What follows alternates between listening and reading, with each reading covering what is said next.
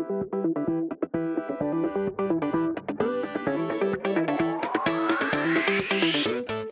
og velkommen til Gründerpodden. Podkasten som tar for seg gründervirksomheter og drivkraften som står bak det å være en entreprenør. Har du store drømmer om å starte din egen bedrift, eller kanskje du allerede har startet din egen virksomhet, men trenger litt inspirasjon fra andre som har gått veien før deg? Ja, da har du kommet til riktig podkast. Velkommen til Gründerpodden.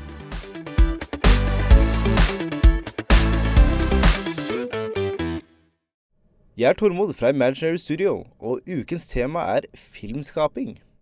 Ukens gjest er Per Libek fra Copenhagen Film Company. Per produserte i fjor en dokumentar som heter There Will Be Water.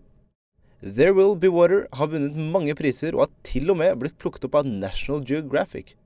There Will Be Water er en film som fokuserer på verdens vannmangel og konsekvenser det har, samtidig som den går helt under huden på et prosjekt som kan vise seg å være løsningen. Hovedkarakteren i filmen er Bill Watts, en ingeniør og zoolog med et oppdrag å lage en infrastruktur i ørkenen som gjør saltvann om til ferskvann. Per, velkommen til Gründerpodden. Tusind tak.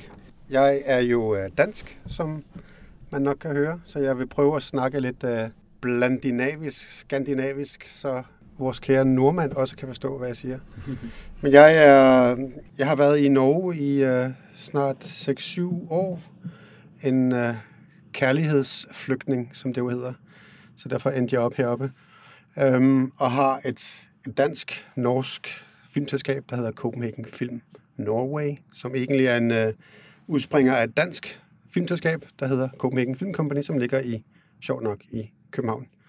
Og der, øh, det var et firma, jeg startede op sammen med et par kollegaer for snart 10 år siden, og som øh, fortsætter med at lave det, som øh, jeg også laver i dag, som er en kombination af dokumentarfilm til øh, tv og til filmfestivaler, og så dokumentarfilm til, øh, til organisationer og til firmaer.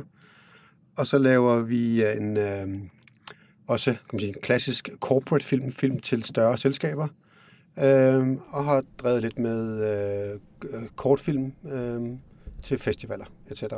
Jeg er 45 år gammel, det er jo meget gammelt, øh, og øh, har lavet film i ja, 15 år, 15, 16, 17 år, og øh, det tænker jeg, jeg skal fortsætte med resten af livet. Fordi det er fantastisk. Det er jo en gave at lave film.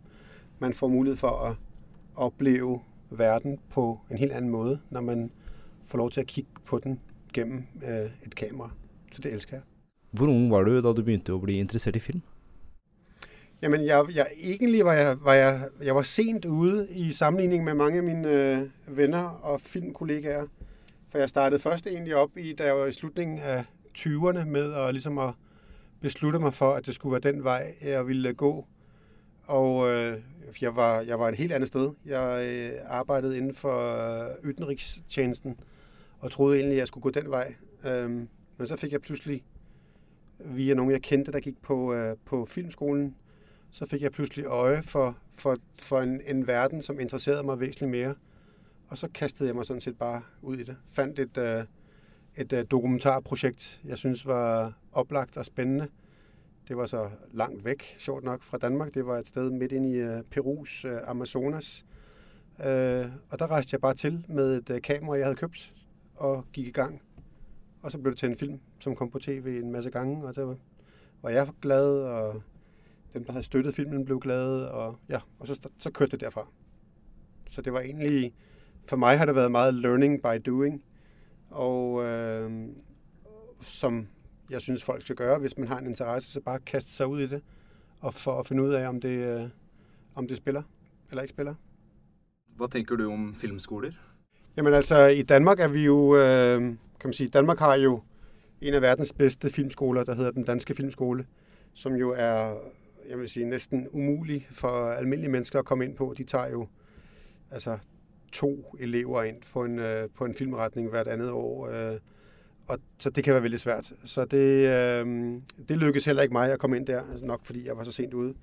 Men så, har der, så findes der nogle andre skoler, som er, som er relevante. Der findes blandt andet den, der hedder øh, Københavns øh, Kort- og Dokumentarfilmskole, som er lettere at komme ind på. Og så findes der en, kan man sige, for For folk, som gerne vil have et intenst ophold, findes der en fantastisk skole, der hedder den øh, Europæiske Filmhøjskole, som ligger i Æbeltoft, som er sådan en 9 måneders øh, skole, hvor man kommer ind og går øh, ja, det er næsten 24 timer i døgnet og arbejder med film, hvor du prøver alt af fra, fra fiktion til dokumentarfilm, og du prøver alle roller, og der går du i ni måneder. Øhm, så der havde jeg nogle mennesker. Det var egentlig den skole, som, som lidt lokkede mig over i filmbranchen, fordi jeg havde, øh, jeg kendte nogle folk, som gik der, så jeg var meget på den skole øh, i den periode, og blev simpelthen forelsket i, i, i filmhåndværket. Øhm, så Ja, så den vil jeg egentlig, uden at have gået på den skole, vil jeg sige, at øh, den skole, den imponerede mig utrolig meget, og lokkede mig også meget over i, i filmhåndværket. Hvad er det mest interessante shooten, du har været på? Egentlig den, øh, en af de mest interessante shoots, jeg har været på, det øh, var til en dokumentarfilm, som aldrig øh, blev færdig. så det var også interessant i sig selv. Det er, jo, det er jo lærepenge at lave film, som ikke bliver færdige. Øhm, men det var, at vi øh, besluttede os for at øh, køre fra Thailand, øh, Bangkok, til øh, Danmark i et øh, gammelt øh, folkevognsrugbrød, som det jo hedder. Sådan en gammel Hotel VW Camper fra 73, som vi, ville, som vi indrettede til et musikstudie og kørte fra, fra Bangkok til, øh, til Danmark. Og det, øh, det var jo en tur, som bød på ekstremt mange fantastiske oplevelser og fantastiske udfordringer. Øh, vi fik stjålet vores øh, filmudstyr og alle vores penge. Øh, politieskorte gennem bjergene i Pakistan og truet med, med diverse ting og sad øh, var tvunget til at øh, overnatte i, øh, på politigården i, øh, i bjergene i Pakistan og blev anholdt af det tyrkiske militær, etc. Så der er mange, mange spændende oplevelser. Øh, men øh, jeg vil sige, for mig, det, det som øh, det lærepengene i det her, det var jo også, at øh, kaster man sig ud i et projekt, så må man gøre det færdigt. Uanset, uanset hvad. Og det, øh, det, for mig, det det handlede om, det var til sidst, det var at, at få bilen hjem fra Thailand og køre den hele vejen hjem. Det var, det endte op med at blive den, den store udfordring. Så jeg var, jeg var ked af, at det aldrig blev til en, det blev til en færdig film, men det endte op med at blive til en, øh, til en musik-CD øh, i stedet for. Så det, der kom noget ud af det, og filmen blev til, kan man sige, til, til små, øh, små brudstykker. Uh, men jeg ville ønske, at jeg havde, havde gjort den færdig. Det må jeg da indrømme. Men uh, så pointen er egentlig, at hvis du kaster dig ud i et projekt, så gør det færdigt. Og det har, det har jeg taget med mig. Så nu, uanset hvor håbløse de her projekter er, så, så gør jeg dem færdige på en eller anden måde. Hvad er uh, filmskaping øh, for dig? Jamen, filmskaping for mig, det er, um, det er jo mange ting. Altså, det er jo, det er jo en, for mig ofte en, en rejse, både, øh, både fysisk og mentalt, at komme ind og opleve øh, nogle ting, som øh, jeg aldrig ville have oplevet ellers. Så jeg, jeg bruger kameraet for ligesom at komme ind steder, hvor jeg ikke vil komme, komme ellers, og møde mennesker, jeg ikke vil have oplevet øh, ellers. Og det har givet mig fantastiske, fantastiske rejser. Jeg er netop kommet hjem fra, fra Colombia, øh, et land, jeg der jo øh, stadigvæk er splittet af, af borgerkrig, og så møde mange af de her parter, som, som var involveret. Det var jo øh, fantastisk spændende og, og udfordrende på mange, på mange måder. Så, så det, det er ofte en fysisk rejse, som også er en mental rejse. Hvis du skulle gitt et supertips til folk som ønsker å lage filmer, hva, ja. skulle, hva skulle det blitt? Uh, et Nike-slogan, just do it. Nej, det er øh, find en historie, du brænder for, og så øh, få dig et kamera af en eller anden art, og kaste dig ud i det. Um, så finder man ud i, altså man kan, man kan, man kan bruge mange kræfter på at øh, prøve at lave teori ud af filmen, og man kan bruge mange kræfter på at søge penge til at lave sin film. Øh, men hvis man har en idé og en passion om at vil lave en film, så findes der jo øh, tusindvis af muligheder at få realiseret projektet på. Ofte bare ved hjælp af, af hårdt arbejde. Så egentlig bare, bare kaste ud i det. Det er vel et meget enkelt øh, råd. Du har jo regissert og produceret There Will Be Water. Kan du fortelle litt om filmen? Jamen, øh, den dokumentarfilm, som jeg netop har færdiggjort, den hedder There Will Be Water, som jo handler om, øh, som du nævnte i starten, handler om en mands drøm for at kunne øh, få ørkenen til at gro og kunne skabe en, en, en forskel øh, i den her måde, vi, øh, vi får, får mad og drikke til, øh, til verdens befolkning. Så det, det handler egentlig meget omkring det her med at realisere drømme, som det her podcast jo på en måde også handler om. Så det, der fascinerede mig øh, ved det her projekt, øh, det var det, det utopiske aspekt i det. Det her med, at folk gør ting, som øh, ingen forventer er mulige, og så alligevel øh, lykkes med dem. Og øh, det startede egentlig med, at jeg var på en, på en anden optagelse i, i Frankrig, og sad og ventede på flyet i, øh, sad og ventede på flyet i, øh, i Paris, og så sad jeg og læste et, øh, et engelsk magasin, hvor der bare var et, en lille kort notits, hvor der stod uh, Norwegians Turning the Desert Green. Um, og så kontaktede jeg dem. Det var et, øh, der var en norsk organisation, som havde den her idé om, at de kunne få ørkenen til at blive grøn. Og dem kontaktede jeg og sagde, øh, vi tog et møde og sagde, hvad sker der? Det lyder jo, det lyder jo dejligt utopisk. Og de sagde, men det er det også. Så sagde de, vi, øh, vi har ikke nogen penge, øh, og vi har ikke nogen, øh, noget sted at gøre det men vi har en, øh, en vilje og en tro på, at det sker. Så jeg, perfekt. Jeg går i gang med at filme. Øh, og så gik jeg i gang med at filme, og øh, lynhurtigt, så selvom det var et øh, norsk øh, projekt, så var der en person, der skilte sig ud, og det var ham, øh, min hovedkarakter, Bill Watts, en øh, fantastisk engelsk ingeniør, som øh, altså så karismatisk og øh, og øh, sær specielt på sin egen øh, på sin egen måde. Og jeg husker, at øh, jeg, jeg, jeg gav jo forskellige mennesker øh, mikrofoner på, øh, og der pludselig kan jeg huske, at øh, jeg gik og lyttede til de her forskellige mennesker, og der pludselig var der en af dem, jeg kunne høre, gik og snakkede med sig selv, og det var Bill. Og det, det er jo en gave som, øh, som, som filmskaber, at man pludselig får, får en mulighed for at komme ind i, øh, ind i hovedet på folk, øh, så man slipper for at, at spørge mennesker, for at få deres, for at få, hvad de vide, hvad de tænker så pludselig har en mand, der går og snakker med sig selv. Så det, ham begyndte jeg at lytte på, og, øh, og selvfølgelig også at stille spørgsmål. Øhm, og så tegnede der sig pludselig et billede af en, af en mand med en, øh, både en vision og en mission, og et ønske om at gøre, kunne ændre den her verden. Så ham forelskede jeg mig i et, øh, fra et øh, filmisk point of view, og, og fulgte, endte med at fulgte ham i, følge ham i, øh, i næsten tre år. Øhm, og det blev så den her film, øh, som jo netop har haft premiere på, øh, på National Geographic, som jeg jo blev øh, vældig glad for. Det har jo været øh, en kanal og et magasin, jeg jo har med stor fornøjelse set og læst, siden jeg var helt lille. Så det var altid en drøm om at, ligesom at, at få noget til dem. Så det, var, det blev jeg selvfølgelig glad, da de øh, valgte at tage imod den, øh, valgte at købe den dokumentarfilm. Og så er den jo så gået rundt omkring på mange tv-stationer rundt omkring i verden, og filmfestivaler har vundet nogle priser etc. Så det, det bliver man jo også stolt af. Da du laget øh, denne dokumentaren, hvad var den største udfordringen øh, du mødte på? Øh, den største udfordring var, var vel egentlig, at det gik så forbasket langsomt med det projekt. Fordi, øh, altså ikke mit filmprojekt, men øh, Bills projekt. Fordi det at, øh, at lave film er jo, et, øh, man er jo utålmodig og vil gerne have, at tingene sker. Men når man driver med, øh, med øh, ingeniørkunst og, og lave projekter af den skala, så tager det lang tid, og det tog vældig lang tid for dem at få penge og få mulighed for at bygge tingene. Så selvom jeg stod klar med mit kamera og var fuldt af nogle ting, så, så var det jo til at starte med meget øh, kan man sige, inde i hovedet på folk, indtil det begyndte at realisere sig. Så derfor var det også en film, der endte op med at tage... Øh, jeg tror, at fra jeg startede med at filme, til den blev færdig, gik der fire år. Det er klart, jeg filmede jo ikke i fire år, men øh, jeg ventede tålmodigt på, at der skulle ske ting og sager. Så det var også en, øh, det var også en ting, at man skal have, når man laver film. Det er både is i maven og tålmodighed. Hvad er det, som får dig til at fortsætte videre? Fordi på et tidspunkt måtte du vel sikkert have tænkt, er der noget poeng i det her?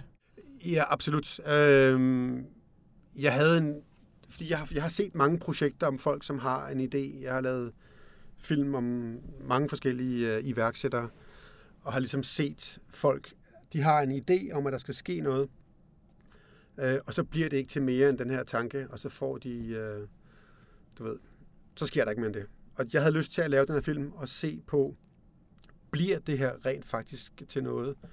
Så jeg havde allerede, da jeg kastede mig ud i projektet, sagt til mig selv, at det her ville være et projekt, der ville tage tid.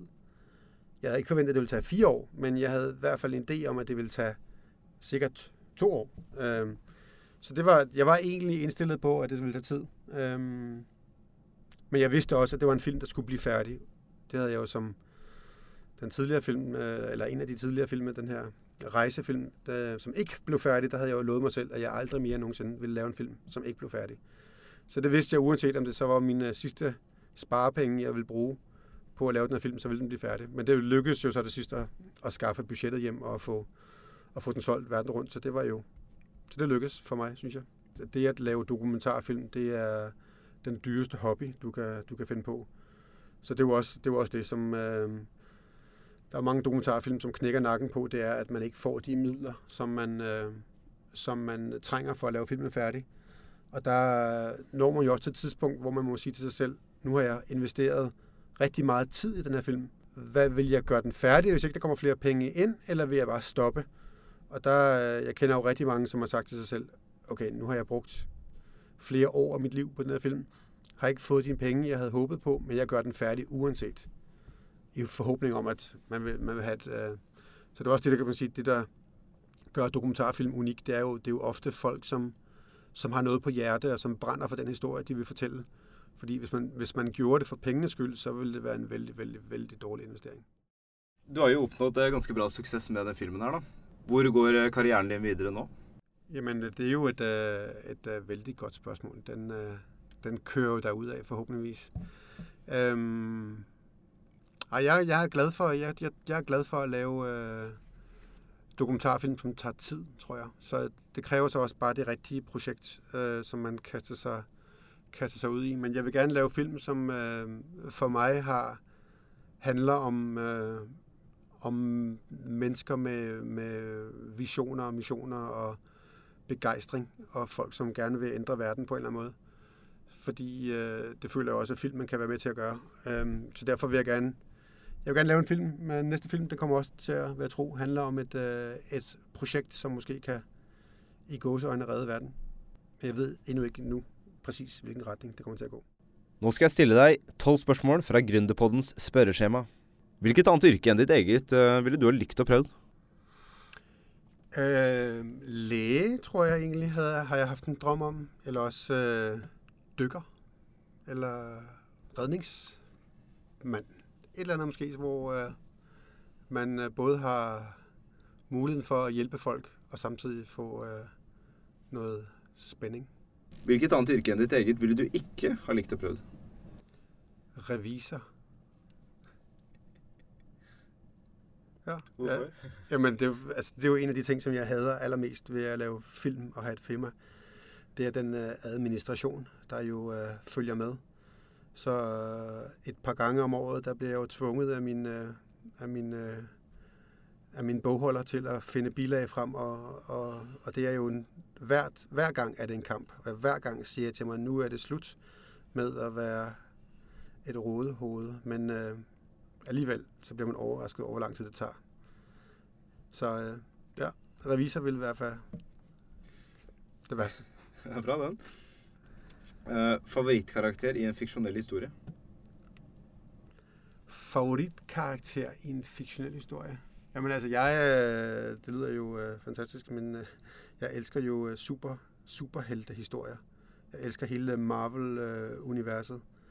Øh, øhm, Altså, jeg er meget glad for en, øh, en, en held, som, øh, som har super egenskaber og samtidig har en, øh, en, øh, en udfordring. Øhm, så nu, nu øh, for eksempel de her Marvel-serier, der kører, der forelsker jeg meget den her Daredevil, som jo er en, en, en karakter, som kan alt, samtidig med, at han er blind, for eksempel. Så det var også lidt det, som øh, i den dokumentarfilm, jeg netop øh, gjorde det færdigt med, Bill. Bill var på, på sin vis også en, øh, en, en superhelt med hans, øh, med hans brain, samtidig med, at han var en, øh, en, øh, en lidt crazy engelsk øh, ingeniør på sin eget fantastiske nørdede måde, som, som havde svært ved at passe ind i Mellemøsten, og ligesom var, han var ikke så street smart. Så på den måde var han måske også en, øh, sin egen form for superhelt. Hvad var den sidste boken, du læste? Jamen, jeg læser faktisk flere bøger af gangen. Øhm, så lige nu læser jeg faktisk øh, en lidt kedelig serie, synes jeg.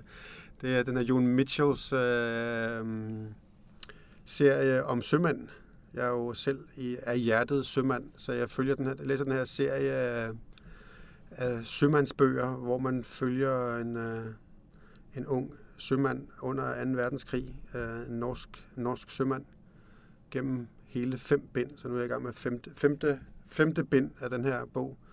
Men øh, som jeg sagde, jeg synes egentlig, den er en anelse kedelig. Shitly, øh, fordi den, øh, den er meget teknisk og følger de her skibe, som egentlig så teknisk interesseret er jeg ikke i skibene, men øh, historien den har fanget mig alligevel, fordi jeg fortsætter med at læse den. Favoritmusiker? Favoritmusiker? Ja, altså jeg har, jeg har sådan lidt øh, en kærlighedsforhold til øh, både øh, latinamerikansk musik, og der er specielt en musiker, Willy Colon, en øh, portugalsk eller New, New Yorkian øh, trompetist, som jeg har haft et kærlighedsforhold til i mange år, altså musikalsk. Øhm, eller også, eller også øh, jeg er også meget glad for reggae egentlig, øhm, af forskellige... Øh, Iga Maus har været en, øh, en held gennem mange år. Så jeg vil tro musikalsk inden for, meget inden for latin og for reggae. En positiv side ved dig selv? En positiv side ved mig selv. Øh, nysgerrig. Vældig nysgerrig. Og optimist. En negativ side ved dig selv? Utålmodig og øh, et hoved. Derfor du ikke har lyst på at blive revisor? Ja. Mest inspirerende person for dig som barn? Mest inspirerende person for mig som barn? Jamen altså, igen vil jeg gå tilbage til superhelteuniverset. Jeg, jeg sad altid og læste superheltehistorier. Øh, eller Tarzan.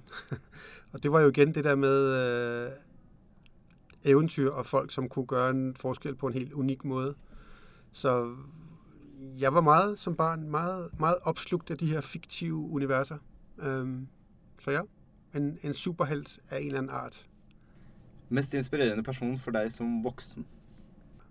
Øhm, altså filmisk, så er jeg meget sådan optaget af, kan jeg godt lide øh, for eksempel en karakter som Michael Moore, øh, som jeg synes jo, han er så, han kører på fuldstændig øh, uden at se sig tilbage. Øh, så det, det elsker jeg hans, hans film for. Øh, eller Werner Herzog, som jo er en øh, fantastisk... Hans, hans univers er også så skæve, og så du kan mærke en, en begejstring og en passion bag de ting, han laver. Så det er vel, det er vel folk, som har inspireret, altså arbejdsmæssigt er inspirerende. Øhm, ellers, hvem fanden inspirerer mig? Jamen, øh, min kone. For hun er også tosset. På den gode måde. Har du en afhængighed? I så fald, hvad er den? En? Afhængighed. En afhængighed? Addiction. Øh, ja, øh, kajak. Jeg, jeg må komme på vandet et par gange i ugen for at klare mit hoved og få noget, øh, ja, simpelthen klare hovedet og få noget exercise. Ellers bliver jeg en grumpy øh, gammel mand. Hvis du vet at du skal dø inden en uke, hvad vil du bruge den sidste ugen på? Jamen, nu er jeg jo jeg er jo family man og har jo en, uh, en lille søn på to år, som jo får mig til at smelte. Så bare, bare det, det spørgsmål, du stiller mig, så får jeg jo næsten tårer i øjnene. Uh, så det vil jeg brugt intenst sammen med ham og min familie. Hvis Gud findes, hvad vil du, at han skal sige til dig, når han møter dig ved perleporten? Er du kommet til det forkerte sted? Nej, øhm, han skal selvfølgelig sige uh, velkommen, og så tager han mig uh, ind i en øh, fuldstændig fantastisk øh, biograf. Der er ikke så meget noget, han skulle sige, der er noget, han skulle gøre, øh, som er ikke en 3D, men en, øh, en 5D's biograf, hvor man kan mærke med alle sanser, og så får man en, øh, så får man en lov til at genopleve sit liv og kunne fastfryse alle de momenter, som man, øh, som man har oplevet. Og så får man lov til træffe nogle af de valg, som man ikke traf, og kunne gå i en anden retning og opleve, hvordan ville livet have været, hvis man var gået i den retning. Bare fordi, at jeg kan være så nysgerrig at tænke på, hvad nu hvis jeg havde gjort det? Og, og kunne give den oplevelse. Øhm, ja, det havde jeg elsket. Tusen takk eh, for at du eh, var med på episoden. Tusind tak. Mer om Per Libek finner du på cphfilm.no, og du finner han også på imdb.com. Hvis du vil se There Will Be Water, så ligger den på NRK sin nettside, nrk.no, og søk på There Will Be Water eller Prosjekt Grønn ørken. Ja, det var alt for denne gangen. Stay tuned for neste episode av Gründerpodden. Ha en fortsatt riktig god dag.